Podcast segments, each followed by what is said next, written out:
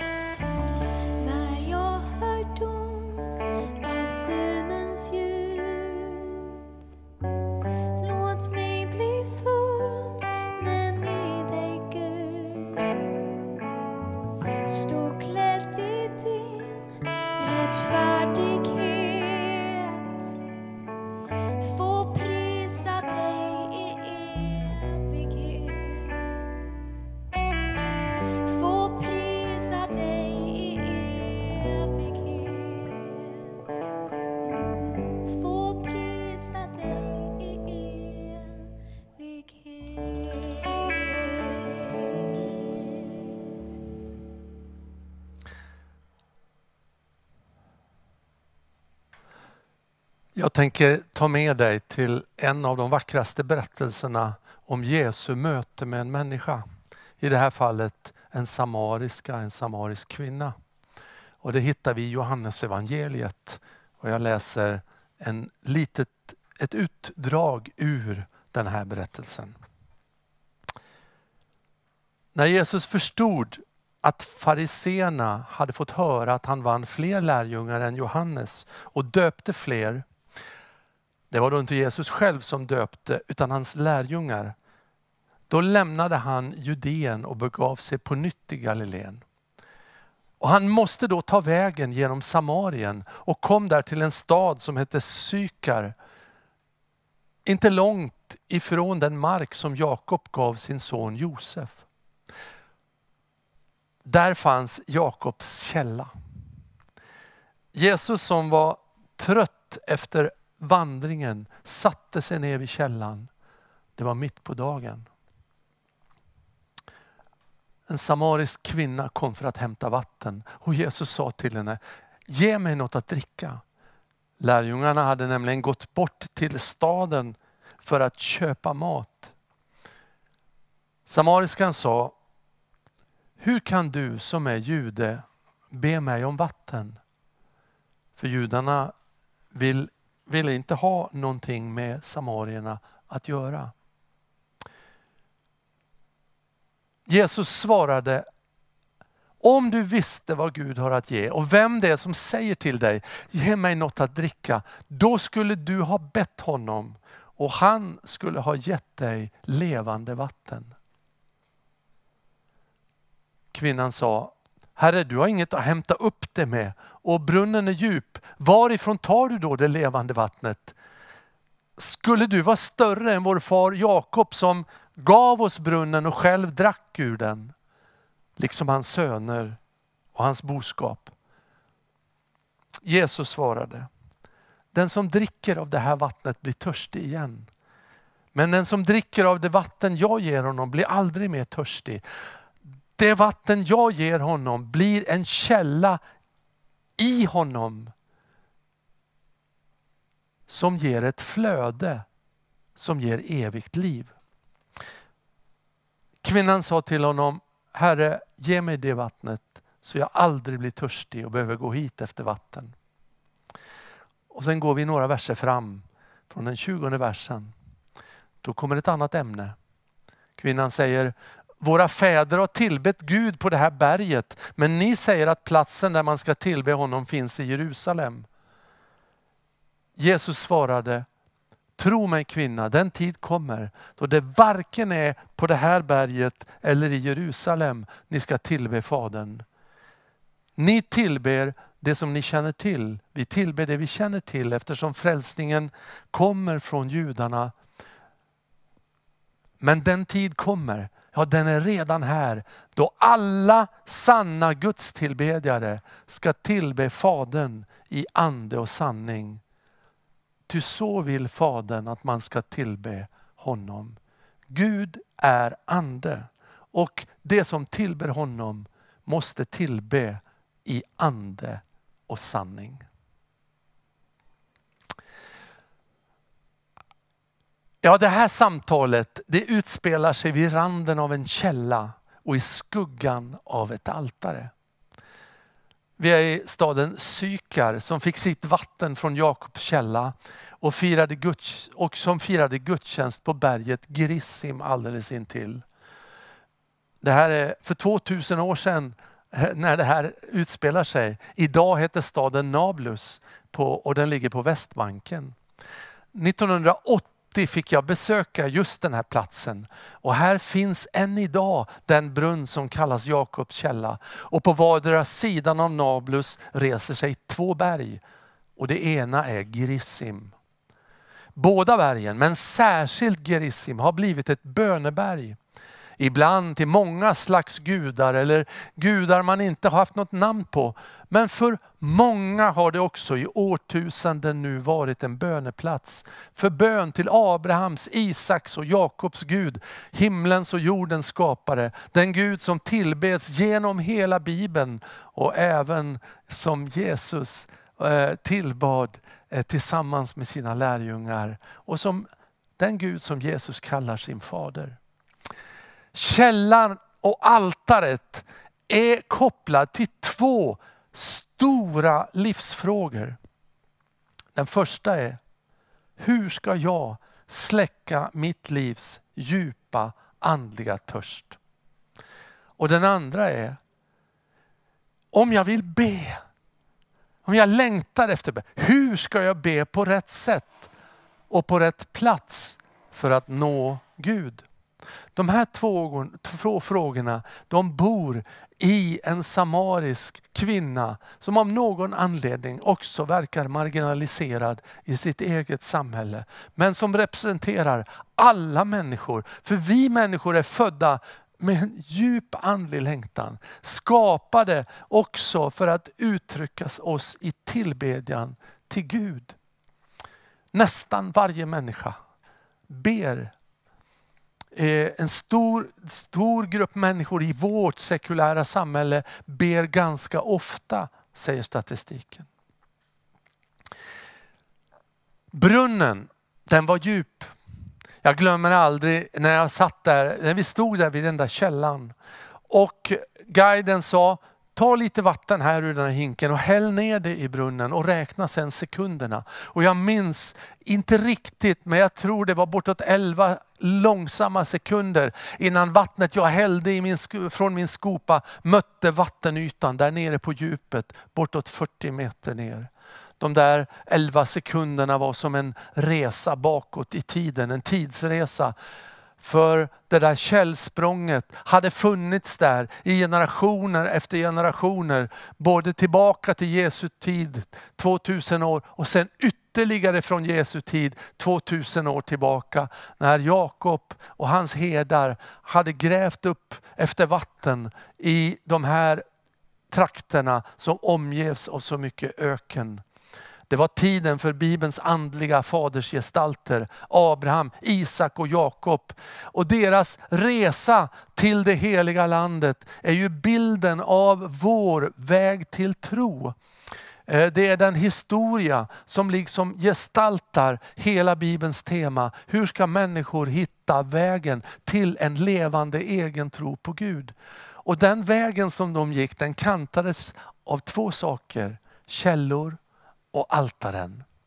Här hade Jakob köpt sig mark efter sitt stora gudsmöte på vägen hem från sin landsflykt vid en annan flodövergång som hette Jabboks, Jabboks vad. Och där, där efter det mötet så, hade, så försonades han med sin bror för han hade försonats med sin Gud.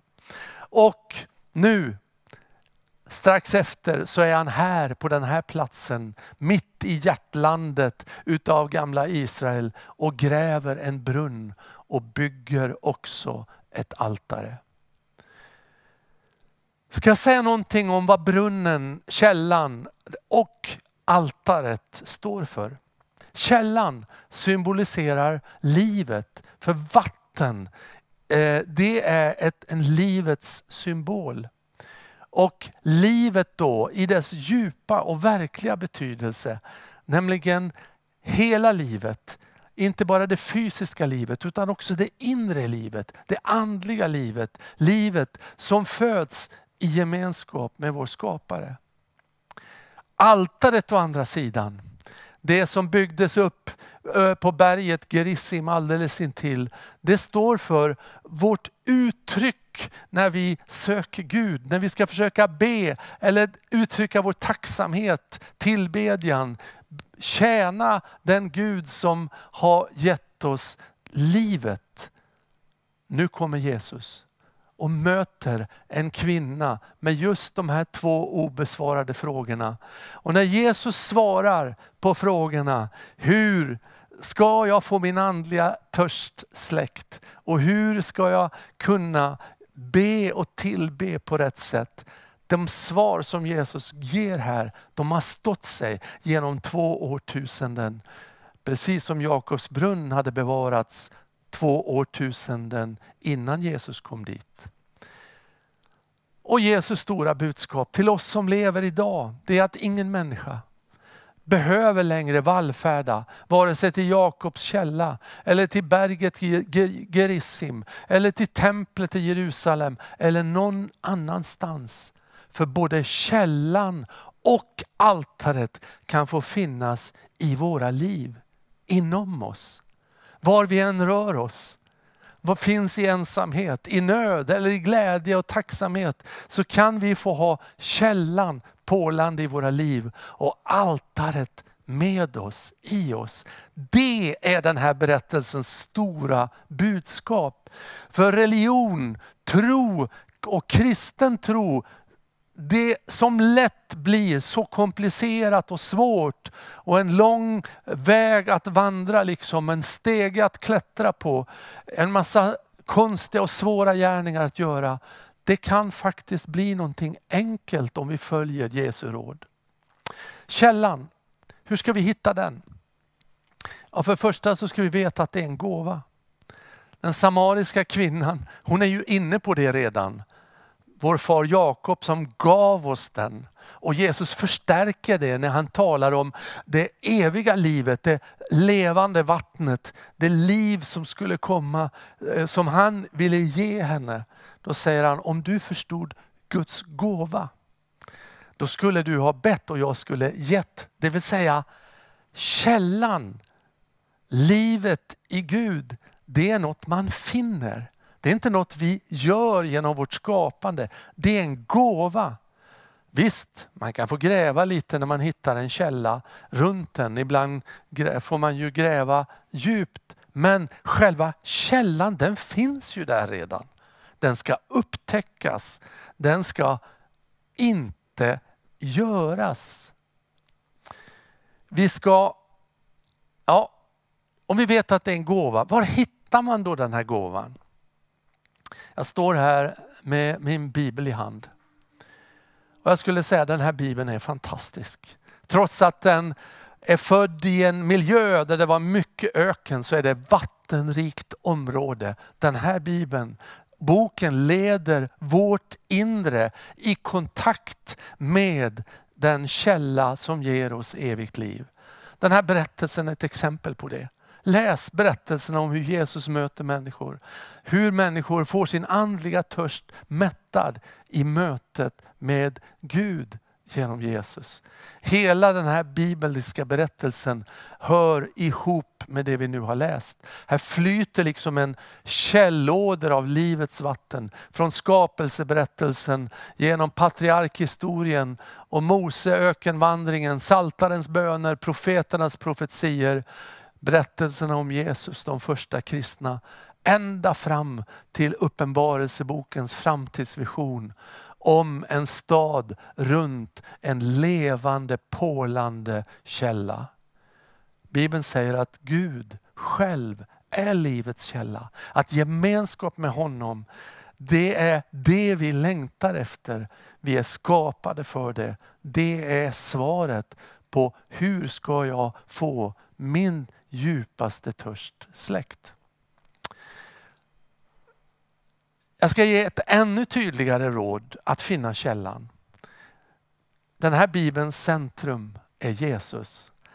Och han kallas utav, kallades av de första kristna för vägvisaren till livet.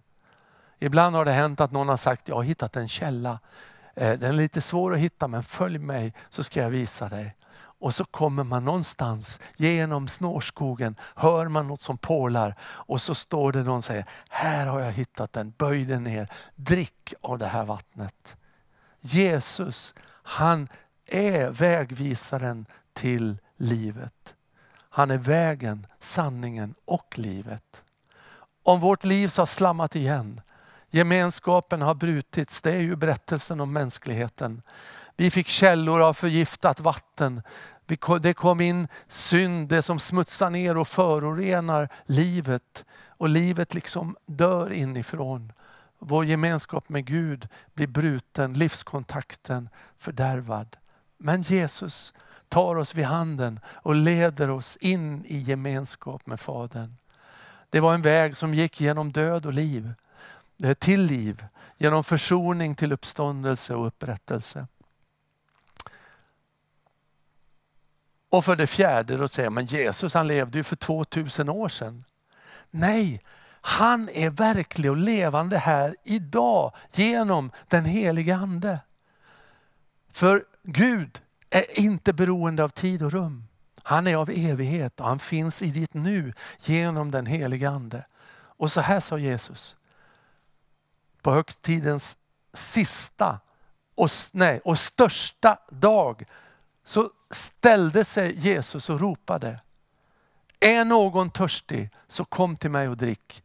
Den som tror på mig, ur hans inre ska flyta strömmar av levande vatten som skriften säger. Det sa han om anden, som det som trodde på honom skulle få.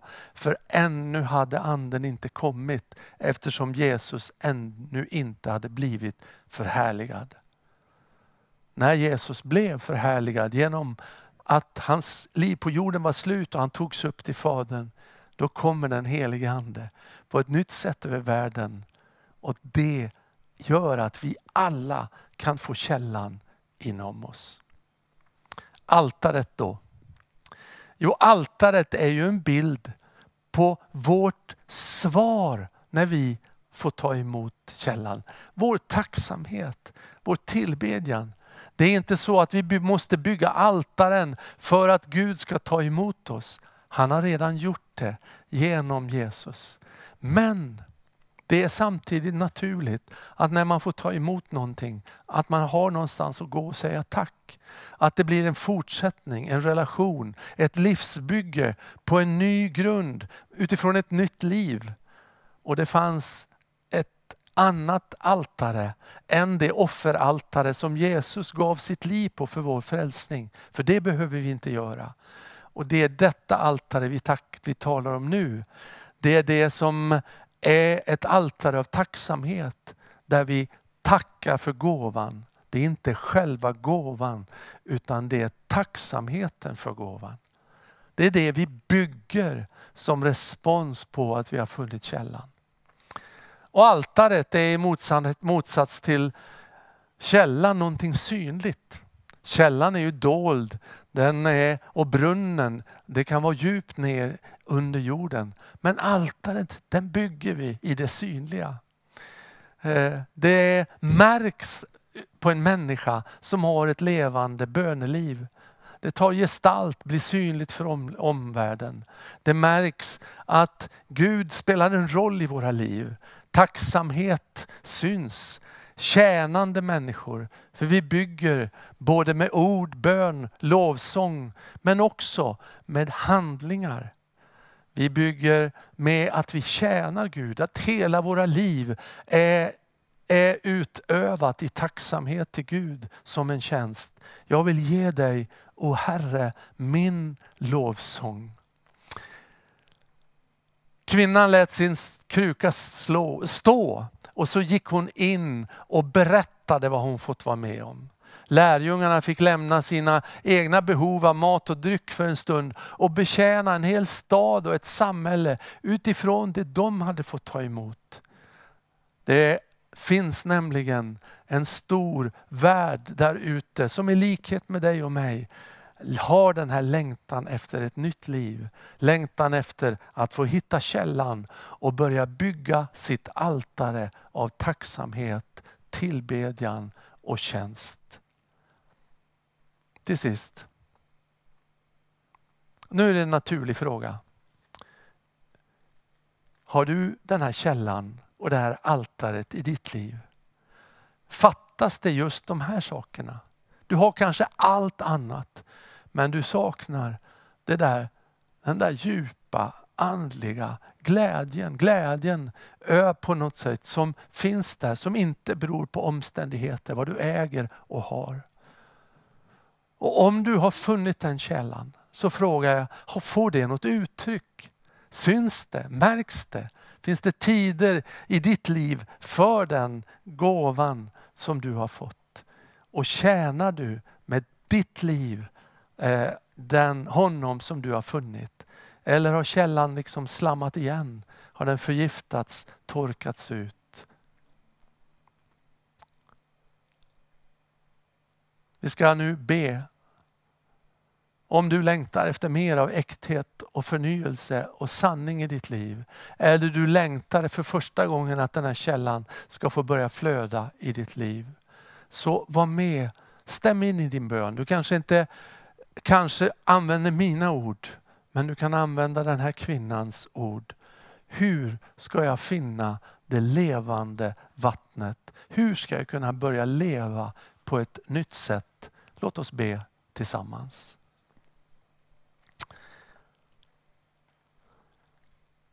Herre, du har skapat oss både med fysiskt liv men också med andligt liv med en andlig längtan att få leva ett liv, ett osynligt liv i gemenskap med dig. Herre, jag ber dig att vi ska få vara med och se hur både vi själva får, ta, får den här kontakten med dig, du som är vår, vårt livs källa. Men också att många andra får det. Och jag ber dig för den som är med nu, som liksom stämmer in i den här bönen, i den här berättelsen, som är som kvinnan i den här berättelsen. Herre, tack för att i en enkel bön till dig, att ta emot dig i sitt liv innebär att den här källan börjar flöda.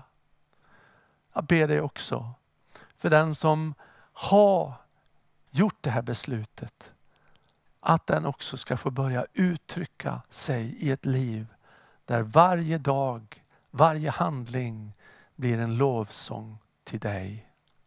Amen.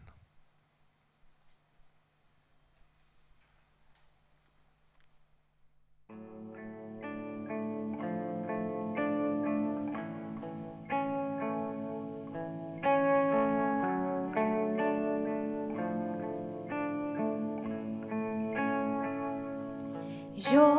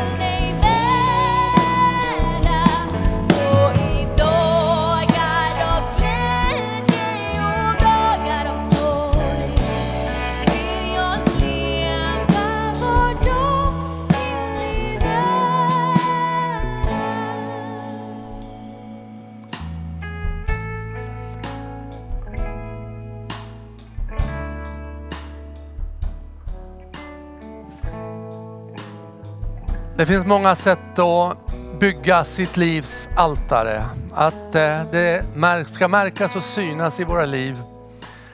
Att eh, vi tror att det finns någon som är större än oss. Någon som vi har lagt våra liv eh, i dens händer.